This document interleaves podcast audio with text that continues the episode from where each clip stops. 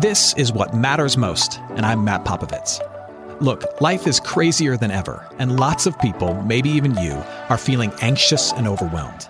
Today's message is designed to help you figure out what's most important and to experience the peace and joy that God intends for you. Because life is a gift, and it shouldn't be wasted on worry. I'd like to give you a resource, something to help you navigate the road ahead. Just go to mattpopovits.com, click on the icon, and we'll send it to you. That's Matt, P-O-P-O-V-I-T-S dot com.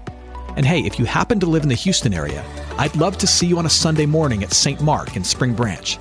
Head to stmarkhouston.org to plan your visit. Here's today's message. Thanks for listening. The Advent season, season leading up to Christmas, it's a season filled with, with all the things we, we wait for the rest of the year. The rest of the year, we wait for the parties, we wait for the presents, and we particularly wait for the music. Uh, this season is full of songs that people love to sing. We're going to take a look at the music of Advent and Christmas.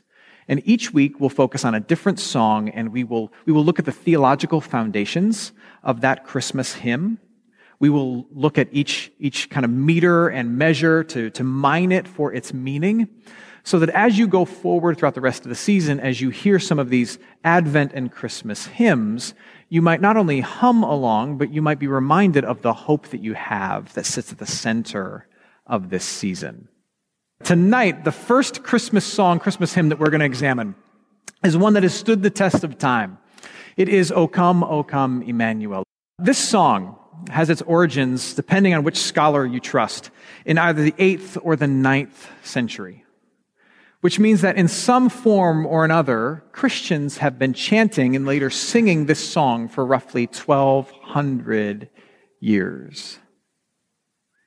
The version that most churches sing and know emerged in the mid 19th century uh, when it was discovered by a, an English pastor named John Neale, who found some Latin verses that he translated into English and was later paired with uh, the, the tune that we all recognize, which itself has its origins in 15th century Paris. And thus the song that so many have come to know and love, O come, O come, Emmanuel, was born. And as I said, for, for roughly 1,200 years, we've been singing this song. It must be that there's something in the words of this song that resonate deeply with the human experience. I mean, it is a song of, of deep longing. It's a song of, of deep yearning for the things that are broken in this world to be fixed. I mean, if you think about it, it's a sad song. It's a song, each, each stanza of which, each verse of which points out a, a, deep problem in the human experience and prays for God to enter into our midst and do something about it. It's a sad song. I mean, it's, it's not the one you press play on at the start of the holiday party to set the mood. But it's one that for 1200 years Christians have said it's not Christmas unless we sing this song. Because in this song, O come, O come, Emmanuel, we speak difficult but very important truths. That things are not as they should be. Things are not as we want them to be in our personal lives or in our world, but we believe that there is something that can be done if God, who is up there, reaches out and does something down here. That's what this song is all about. In particular, if you look at the, the three most popular verses, the three most popular stanzas of this song, you see that it is a, it is a prayer for three things for freedom, for light, and for peace. This song is a prayer for freedom, for light, and for peace. Let me prove it to you. The first verse opens with these words.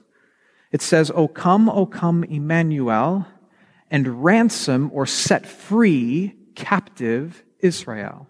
When you see Israel, I want you to think in your mind God's people, which equals us, not just people in the Old Testament in years ago, but also God's people today. Ransom set free captive Israel. This song, in its first verse, is a cry for freedom. But that word Emmanuel, that reference to God, Emmanuel means God with us. And if you grew up in the church, going to Sunday school, celebrating Christmas, in the context of the church, you'll recognize that that verse is a, that phrase, Emmanuel, God with us, is a reference to the Old Testament prophet of Isaiah.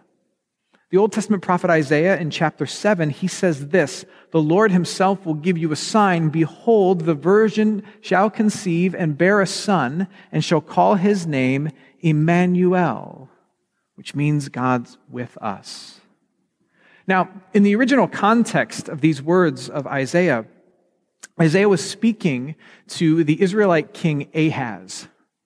And Isaiah was speaking to Ahaz because Ahaz was the king of God's people and he was about to get them in trouble. And so God moved Isaiah the prophet to step up and speak some tough words to Ahaz. Ahaz wanted, because he, he was in fear for the well being of his people, Ahaz wanted to create a strategic alliance as king with a country called Assyria. Why? He was afraid that another country called Syria same sounding name, different country, that another country called Syria was going to attack them and destroy them. And so even though this other country, Assyria, was, was kind of big and bad in its own right, he thought if I align myself with this other big and bad country, maybe I can protect myself against this really big and really bad country.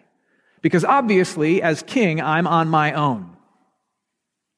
Well, God saw that as a rejection of his protection as a rejection of his ability to keep his people safe. And so he sends Isaiah to King Ahaz to tell him, no, no, no, you don't need to compromise your integrity as a king and align yourself with people who don't believe what you believe in order to protect yourself. Believe that I will protect you and I will look out for you and I will keep you safe. And to, and to make myself trustworthy to you, I will give you a sign, Ahaz. A virgin will conceive and bear a son, and you shall call him Emmanuel, God with us. Now, you might say, well, wasn't that a reference to Jesus? Yeah, but Jesus wasn't born until another 700 years later after this prophecy. Here's the thing about Old Testament prophecy to keep in mind there's always an immediate fulfillment in the historical context and an ultimate fulfillment in Jesus Christ. And so what, what Isaiah was saying is King Ahaz, in order to prove to you that God is trustworthy and he will protect you and that you don't have to make strategic alliances with bad people in order to protect yourself from other bad people, God will do something crazy and weird in your midst to prove that he's there with you. And King Ahaz said, Oh, that sounds good, but no. And he aligned himself with the Assyrians and they were able to, to fight away the other bad guys, the Syrians, but it came at a cost. This other group of bad guys took Israel's land, took Israel's money, and took their freedom, and they went into captivity anyway. And after the fact, King Ahaz and all of God's people, they went back to God and they were like, oh man, we were wrong. We're stuck now. We're slaves now. Life is bad now. We made it worse somehow. Could you save us now? Could you save captive Israel? Could you ransom captive Israel? Because we are stuck and we need freedom and we know it's our own fault. But please, that's what verse 1 is all about. God's people who got themselves into trouble and now need to be set free. Have you ever been in a season in your life as a member of God's family where, where you feel stuck? You feel in trouble?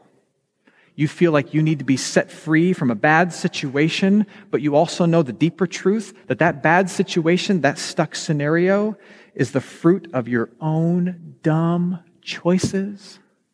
And you know that you need to be freed from a broken relationship, a bunch of debt, a horrible situation, a bad thing, but you know the deeper truth that it's all because of your poor choices, and you look up to the heavens and you say, I need freedom. Man, I should have listened to you the first time around, but Lord, do something and act and make me free. Have you ever felt that way? That's why this song has been popular for 1,200 years. Because we all know our need for freedom. So, where will you be spending Christmas Eve? Hey, it's Pastor Matt, and if you're in the Houston area, I invite you to join me at St. Mark Houston for one of our three Christmas Eve celebrations. Each will feature the music you love, a message from me, and carols by candlelight. For more information, head to stmarkhouston.org. If you can't worship in person, then join us online. We'll be streaming a special celebration all day online at htxchristmas.com. And now, back to today's message. The second verse starts like this. The second verse says, Oh, come our day spring from on high, and cheer us by your drawing nigh. Not language we use in everyday life, so let me translate for you in case you're not grasping it. Do you know what a day spring is? Day spring is a sunrise, the spring of the day. Oh, come our sunrise from on high, our divine sunrise, and cheer us by your drawing nigh, your drawing near. So as you come near to us, God, you shed light into our world and you make our hearts happy. In other words, God, we need you to make yourself known, to shed light on us and to our world, and to dissipate the darkness and to make our hearts glad. When the sun rises, it shines through the darkness and a new day starts. So in this verse, the writer has shifted from focusing on freedom and now is asking for a divine sunrise to take place and to push away the darkness, the darkness meaning evil, and bring about a new day where all that's bad and broken in life is finally gone. The second verse is a cry for light to shine in darkness. The first verse was about freedom. The second verse is about light shining in darkness. And that desire for light to shine in darkness, for God to make himself known and to push away all the bad things that are around us is a cry you hear throughout the Bible. I mean, if you really get serious about reading the scriptures, you'll hear words like that over and over again. Lord, shine your light push the darkness away. You hear it in particular in the Old Testament. So, in, in reference to verse 1, we read something from the book of Isaiah, but now we're going to look at the book of Malachi. Malachi was a prophet at a time when God's people, after having gone into captivity from not listening to God and aligning with the Assyrians, God's people are still oppressed and scattered and struggling. And now this prophet emerges to speak on behalf of God to those people and to tell them that yes, a day will come where the darkness around you will scatter and the light will shine forth. Where the bad people around you who are doing bad things and the bad things in the world at large will all be pushed away and the light will shine on you. Malachi chapter 4 verse 2, it says, For behold, the day is coming, burning like an oven, when all of the arrogant and all evildoers will be stubble. Just piece of advice. Don't use that verse for your Christmas card.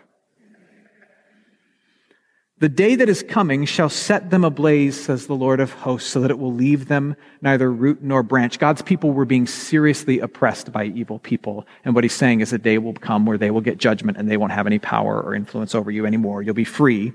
But for you who fear my name, the Sun, S-U-N, of righteousness shall rise with healing in its wings. One will rise who will push away the darkness and make life better for you. A day will come when evil is crushed. Everything that's bad will be broken and the power of darkness with its ability to fill you with fear and drain you of hope will be defeated. Not only that, but one who will appear will be bright like the sun, and he will heal you, and he will help you. That's the promise of Malachi to God's people in the Old Testament who were oppressed and struggling and felt like darkness was looming over them. But here's my question for you. Have you ever felt like darkness was looming over you? That's why this song has been popular for 1,200 years. The third verse is a prayer for peace. The writer says this, O come desire of nations bind in one the hearts of all mankind. In place of the word desire, you could also use the word treasure. Uh, that's how it's translated in the Old Testament book of Haggai, where this reference comes from. Again, as we move more, uh, we move forward in the history of God's people in the Old Testament, God's people are sad and they are struggling. They're sad and they're struggling because at this point in history, though they've been released from their, from their status as, as displaced people, though they've been released from, from their oppression, they are now returning to Jerusalem, but they are finding that there is much division among them as a people. That because they've been oppressed and they've been enslaved and they've been scattered, that as they gather back together in Jerusalem, that they are very different people. There's a lot of fighting between them, a lot of wars between them, a lot of different views and religious thinking has sprouted up between them and a lot of fighting between them. But not only that, they get back to Jerusalem and they discover that this very precious place to them, the center of their identity and their faith, this symbol of God's presence and power, the temple has been destroyed. And so there is a desire for God to make his power known and to bring all of his people back together again. And so the prophet Haggai says this to those people I will shake all nations, he's speaking on behalf of God, so that the treasures, the desirable things of all nations shall come in, and I will fill this house with glory, says the Lord of hosts. Uh, what the prophet is saying is this there will come a day in the future where God will do something so incredible, so unbelievable, that his power and his majesty will be made known. But not only that, all of these people who seem to be so different and who, seem to be so willing to fight with each other, they will all be unified and connected in their love and praise of him. They will bring their most valuable possessions into his presence and into his house and they will lay them down. And that's a picture of the fact that they now believe that He is the most important thing in their life and not these other things. And God is saying, a day will come where I will do something so undeniably, incredibly awesome that people from various backgrounds will be connected together, set their differences aside, and be one. A prayer for peace. Oh, come, desire of nations, the thing we really need and want, and bind us all in one heart and mind. And the promise for us who are sick of division is that that day is coming for us too. That it has happened in part in the first advent of Jesus Christ that connects us together, the first time he's appeared in weakness and then on a cross and then resurrected from a tomb, and that's what's connected us. We are very different people who have set aside the things that disconnect us, and we are united under this greater thing, but there is a day coming when Jesus will make himself known in even greater power, and everyone will see what truly connects us all. Now, one of the things I find so interesting about this song is that even though the tone of this song is, is at times so sad, it's a song of longing um, and desire for God to bring about change in a world that's very broken, that the refrain of this song is strangely happy. So in the verses we say, O come, O come, Emmanuel, and ransom captive Israel. We're stuck. And then it's like, rejoice, rejoice. Emmanuel has come to thee, O Israel, right? So in the midst of this longing, we're told to rejoice. And if you think about it on the surface, it's like, well, that's weird. I'm like praying in tears, and then I'm saying rejoice. Why is that? Here's why. You see, Christians live in this strange tension that reveals itself in its fullness at Christmas. We live in this tension that, that theologians call the now and the not yet. What we believe right now is that the world is broken. And yet, Christ has come and forgiven our sins and promised that in the future, he will come again and fix all the stuff that's still broken. But that's in the not yet. Right now, we know we're forgiven. Right now, we know that God loves us. Right now, we know that Jesus has risen from the dead and defeated all the things that make us feel so powerless. That's what we have right now. And right now, the world is broken and scary and really, really messed up. That's right now. But a not yet is coming where Jesus comes back and he fixes all of it. And so that's why we can sing a song where we say, right now it's broken, but the not yet is coming where it gets better. Right now it's broken, but we also have a Savior who's joined us right now in this world. And one day yet to come, He's going to come and He's going to fix all of it. You see, in the Old Testament, all they could do was look forward to a day that might come. Maybe Isaiah is right. Maybe Malachi is telling the truth. Maybe Haggai is up to something. Maybe Emmanuel in his fullness will emerge. Maybe God will crush the darkness and the Sun of Righteousness will rise. Maybe, maybe God will bind all of us together but he hasn't yet. But we, we get to live in a world where Christmas has already happened, where Jesus has been born and he has come and he has lived and he has died and he has risen again. And whereas they were looking forward to something that might happen, we get to live in the reality that Jesus has happened and that every prayer we have has been and will continue to be answered in Him. And so even as we look at things that right now are broken, we also are able to say rejoice because Jesus has come. Every Old Testament prayer has a New Testament answer, and the answer to every prayer is Jesus. He has come and He has given you freedom from the big thing, freedom from sin and death. He has come to shine His light on you. Yes, you're a sinner, but God's grace is big enough for you. He has come to bind us together as a community of faith, and one day He will come to bind the world together at His return. It has happened, and it will happen. And that's why we sing Rejoice.